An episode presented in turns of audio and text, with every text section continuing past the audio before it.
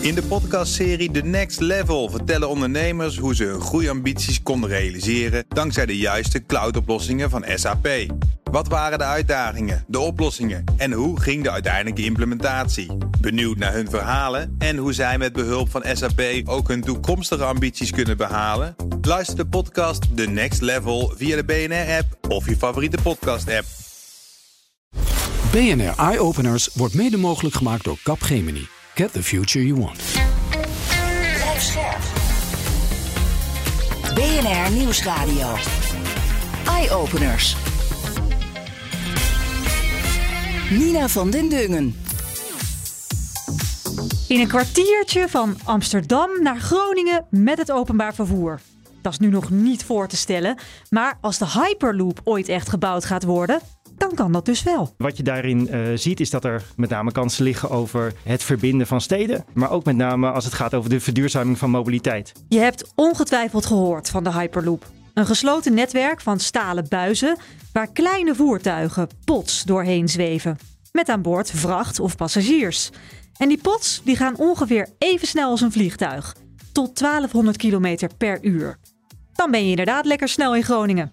Of aan de andere kant van Europa. Het is een hele andere manier van openbaar vervoer als dat we nu gewend zijn. Ik ben er heilig van overtuigd dat het kan. Maar zo'n compleet nieuw vervoerssysteem is niet zomaar gebouwd. Sterker nog, er zitten behoorlijk wat haken en ogen aan.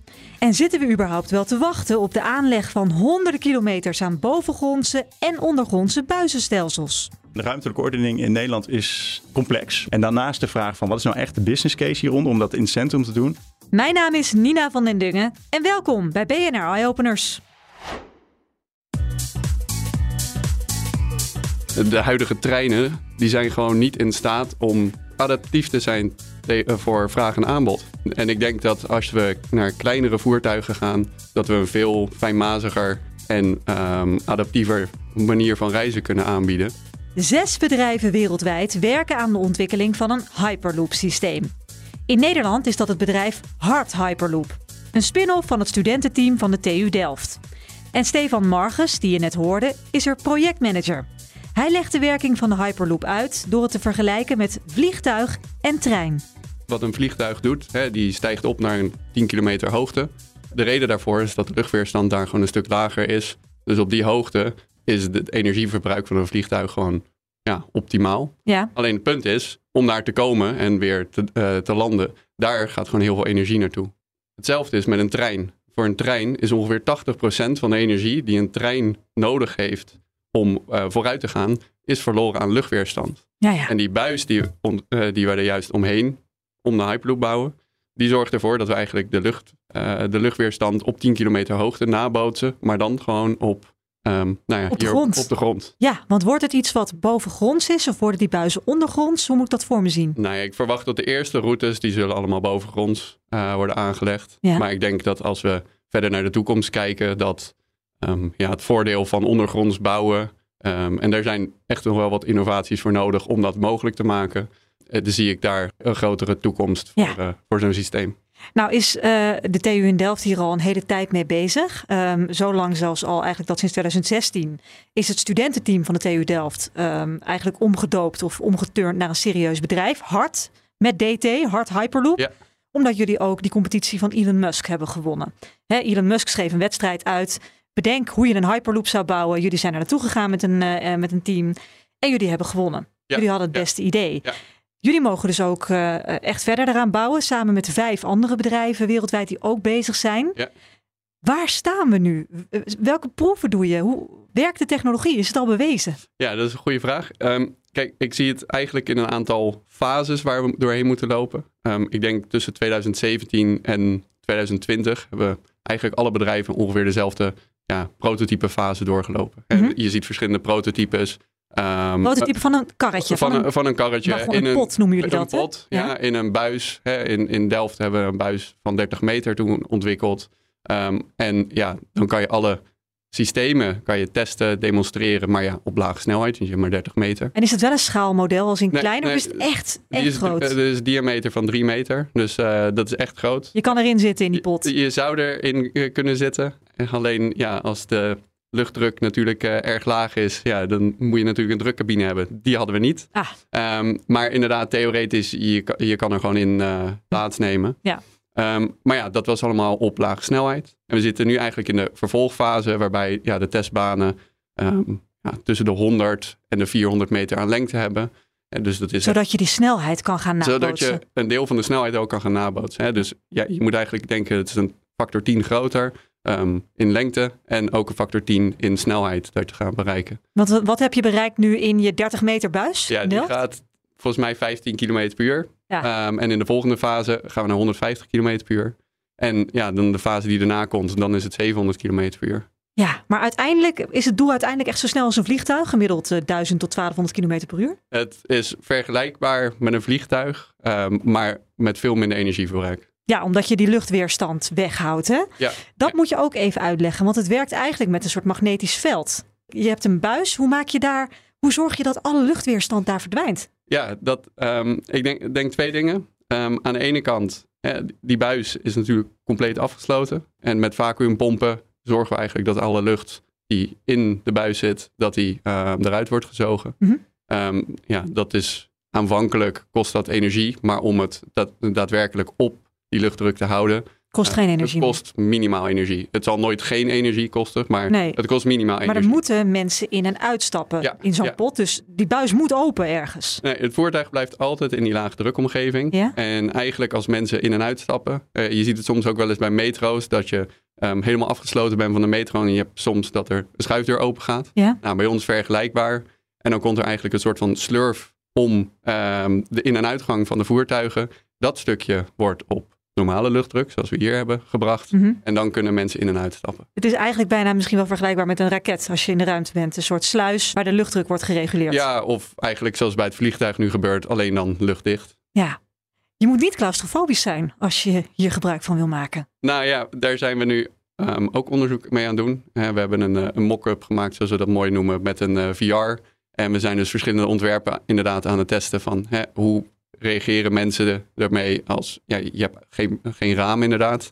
Ehm, ja, wat voor ontwerpen kunnen we creëren zodat dat voor mensen wel in ieder geval die claustrofobische eh gevoel eh, wegneemt. Ja. En we merken dat door ehm, eigenlijk volledig het plafond, ehm, ja, een soort van, eh, hoe noem je dat, een digitaal ontwerp te maken. ja? En dat creëert voor mensen al best wel een grote ruimte ehm, ten opzichte. Misschien dat je bijvoorbeeld de lucht ziet of zo. dat je ja, ramen precies. maakt alsof, Ja, alsof je naar buiten zou kijken. Ehm, ja, dat, dat is er één. Ehm, alleen die maakt het heel moeilijk. Want als jij beweegt ten opzichte van wat je digitaal ziet. En als dat net niet klopt. Nou ja, dan worden mensen helemaal eh, Misselijk, helemaal misselijk. Dus, dus dat is heel moeilijk om na te synchroniseren. Maar we denken inderdaad wel door een, ja, we noemen het een skylight.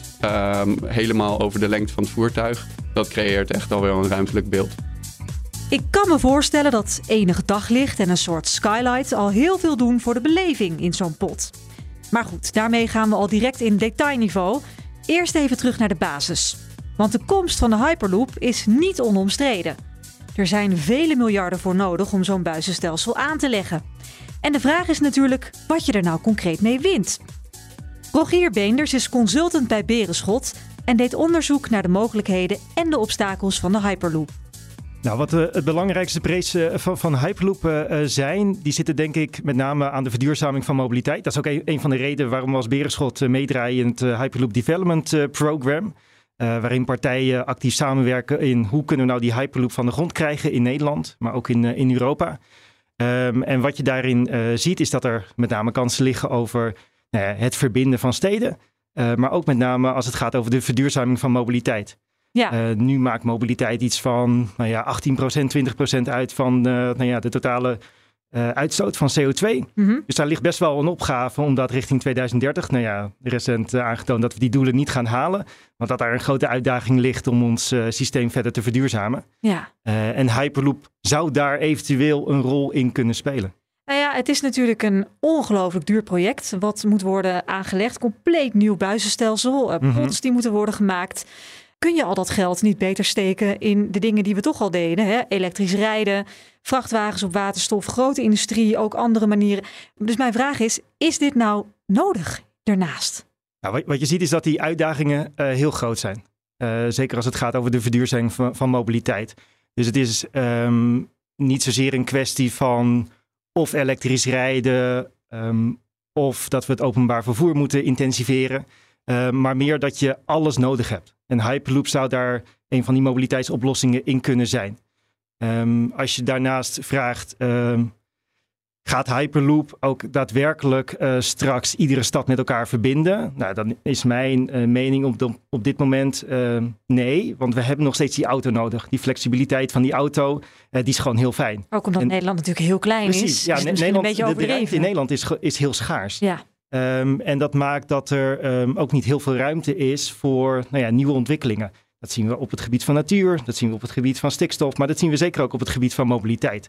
Eh, dus dat, dat vraagt gewoon ook ruimtelijke keuzes. ja. Eh, en dat maakt dat Hyperloop een hele interessante oplossing is voor het verduurzamen van de mobiliteit. Maar met name op de lange afstanden, omdat er ook best wel wat obstakels zijn nog voor, voor Hyperloop eh, om te overwinnen. En een daarvan is onder andere de ruimtelijke inpassing. Ja, nou ja, laten we dan maar gelijk die obstakels even langslopen. De ruimtelijke inpassing. Nederland is tamelijk eh, dicht bevolkt en al druk met allerlei, eh, van snelwegen tot en met rails. Is er wel überhaupt ruimte om zo'n buizenstelsel, al is het op vijf meter hoogte, te gaan inpassen in het landschap? Ik denk dat die ruimte er er zeker is. Ehm, het vraagt wel eh, nadrukkelijk die, die keuzes ook in de ruimte. En ehm, wat je eh, wel ziet is dat Hyperloop, bijvoorbeeld ten opzichte van een, een, snel, een vijfbaan snelweg of het treinspoor, minder ruimte inneemt. Omdat het hoger is? Eh, nee, omdat, omdat het gewoon een, een buis is. Ja, Ehm, en daar kunnen eh, heel veel mensen in, en ook van de snelheid kunnen daar heel veel mensen in vervoerd worden.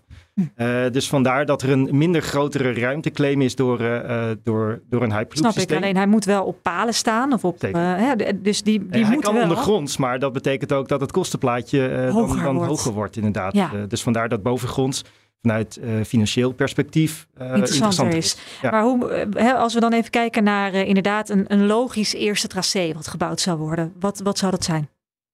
Nou, waar wij in de Outlook naar hebben gekeken is, hebben we de interessante potentiële verbindingen benoemd, waar nu ook studies naar zijn uitgevoerd. Dus dat is onder andere Amsterdam-Berlijn.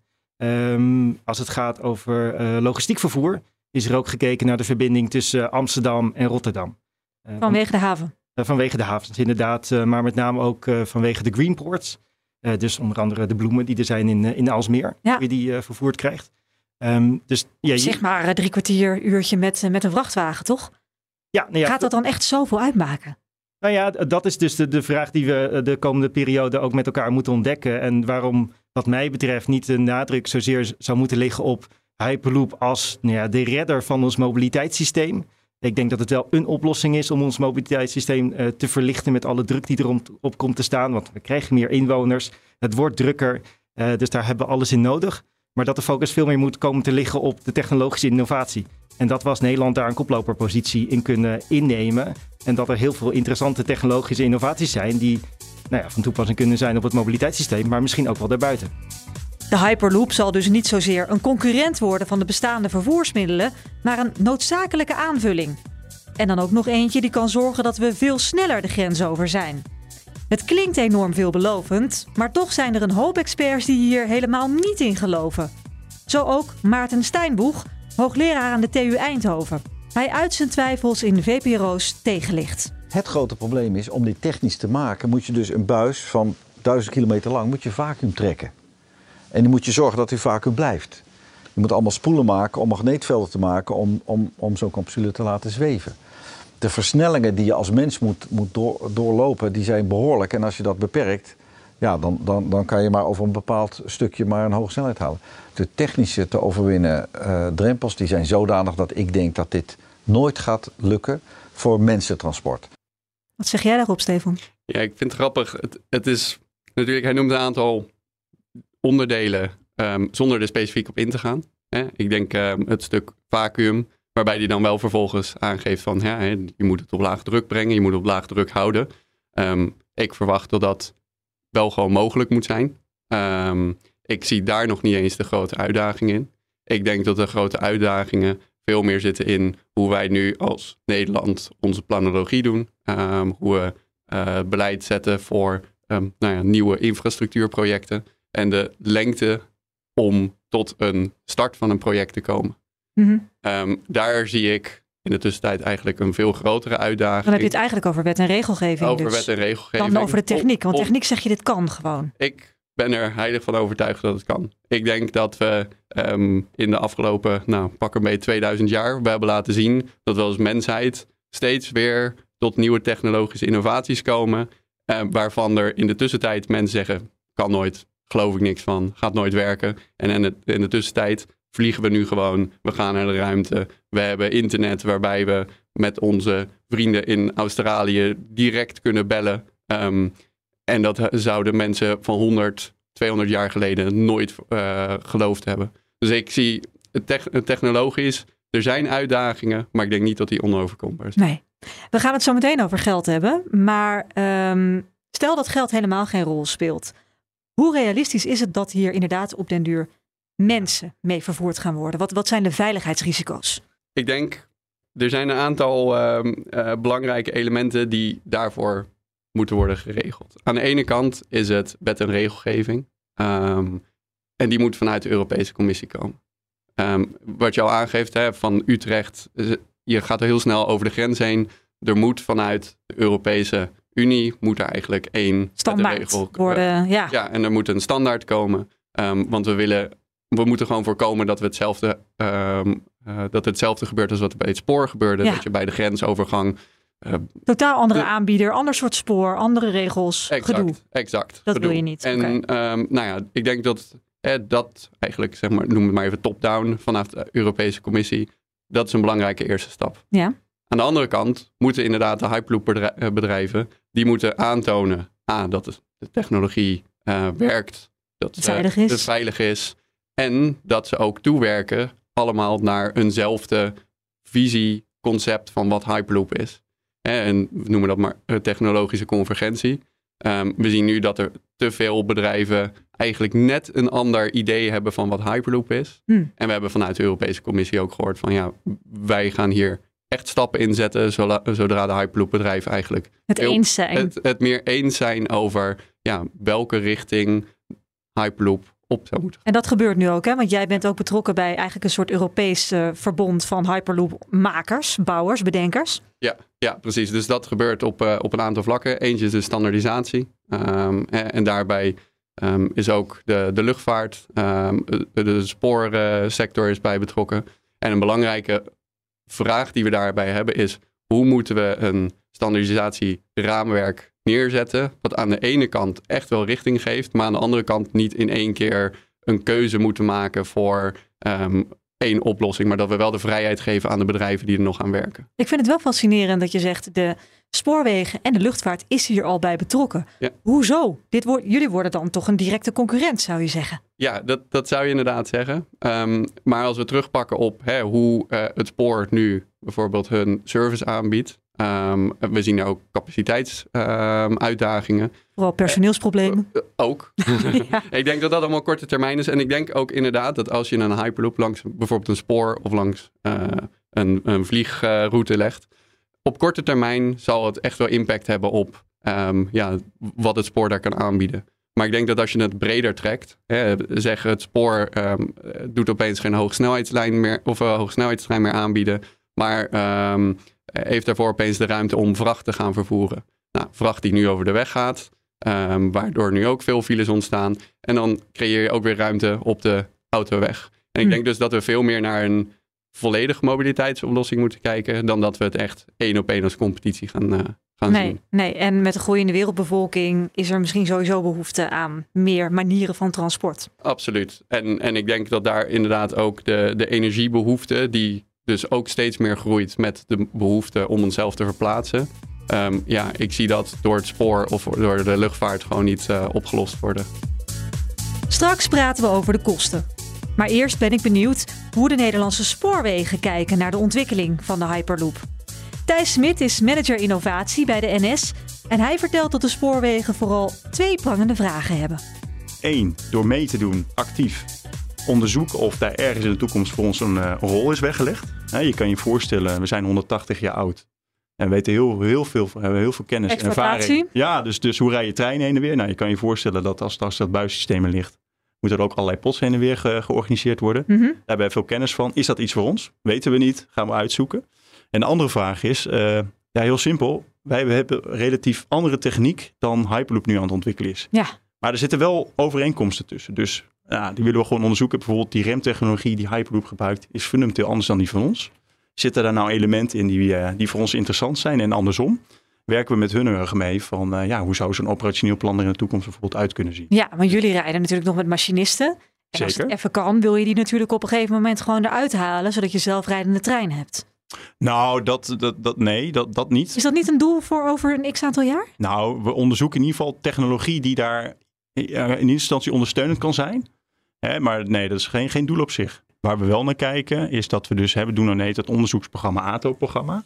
Dat we wel aan het testen zijn hoe die technologie überhaupt werkt. Dus we doen wel testen van, nou, wat heb je dan nodig in de trein om machinisten op dit moment te ondersteunen. Hè, eh, zou bijvoorbeeld aan kunnen denken van het rangeren bijvoorbeeld. Hè, hoe zou een machinist kunnen ondersteund worden bij het rangeren van treinen. Maar die ontwikkeling die duurt nog vele jaren. Daar zitten we echt nog pas in het begin. Mhm.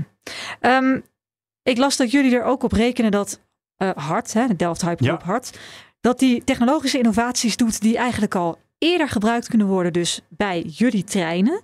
Je noemde net het remsysteem. Ja. Zijn er nog andere dingen waar je dan aan kan denken? Nou ja, reisbeleving vind ik ook heel interessant. Hè? Dus, dus wij kijken ook in onze treinen van, nou, wat, vindt de reiziger nou prettig in de trein om, om mee te maken, of onbewust of bewust. Eh, in een buizensysteem kun je niet door het raampje kijken. Nee. Dus dan eng. moet je op een alternatieve manier denken van, goh, wat is een prettige reiservaring? Eh, dus die is heel interessant. Dus wat ga je al digitaal aanbieden? Hè, hoe zorg je ervoor dat je ook misschien je helemaal alleen voelt in het systeem? Of juist wil ik graag onderdeel zijn van een groepje mensen met wie ik samen reis? Daar zitten elementen in die we graag samen willen onderzoeken. Maar ook eh, ja, lokalisatietechnologie is een hele interessante. Hè? Dus hoe weet je bijvoorbeeld in een buissysteem waar een pot op, een bepaald moment is? Dat Ja. kan zijn omdat er een storing is of omdat er eh, iets anders aan de hand is. Of überhaupt hè, zorgen dat alles goed gaat. Nou, daar zit technologie achter die voor ons ook interessant is. Ja. Is een NS-station wellicht in de toekomst een mogelijke opstapplek als je in de Hyperloop wil gaan? Nou, dat vind ik een hele interessante vraag. Want ehm, we hebben best wel een dicht netwerk. Eh, en ruimtelijke ordening in Nederland is, is, is complex. Ja, Ehm, ik zie hem eerlijk gezegd niet zo snel in Utrecht Centraal of op Amsterdam Centraal. Ik denk dat je eerder kansen hebt ergens buiten de grote stedelijke gebieden. Dus, dus als je uitgaat van een hyperloop voor reizigers, eh, denk ik dat je daaraan moet denken. Omdat Ja. het gewoon in de centra gewoon te druk is, te vol is. want je moet dan, ik probeer het voor me te zien, zo'n buizensysteem over de stad laten lopen naar Utrecht Centraal. Ja.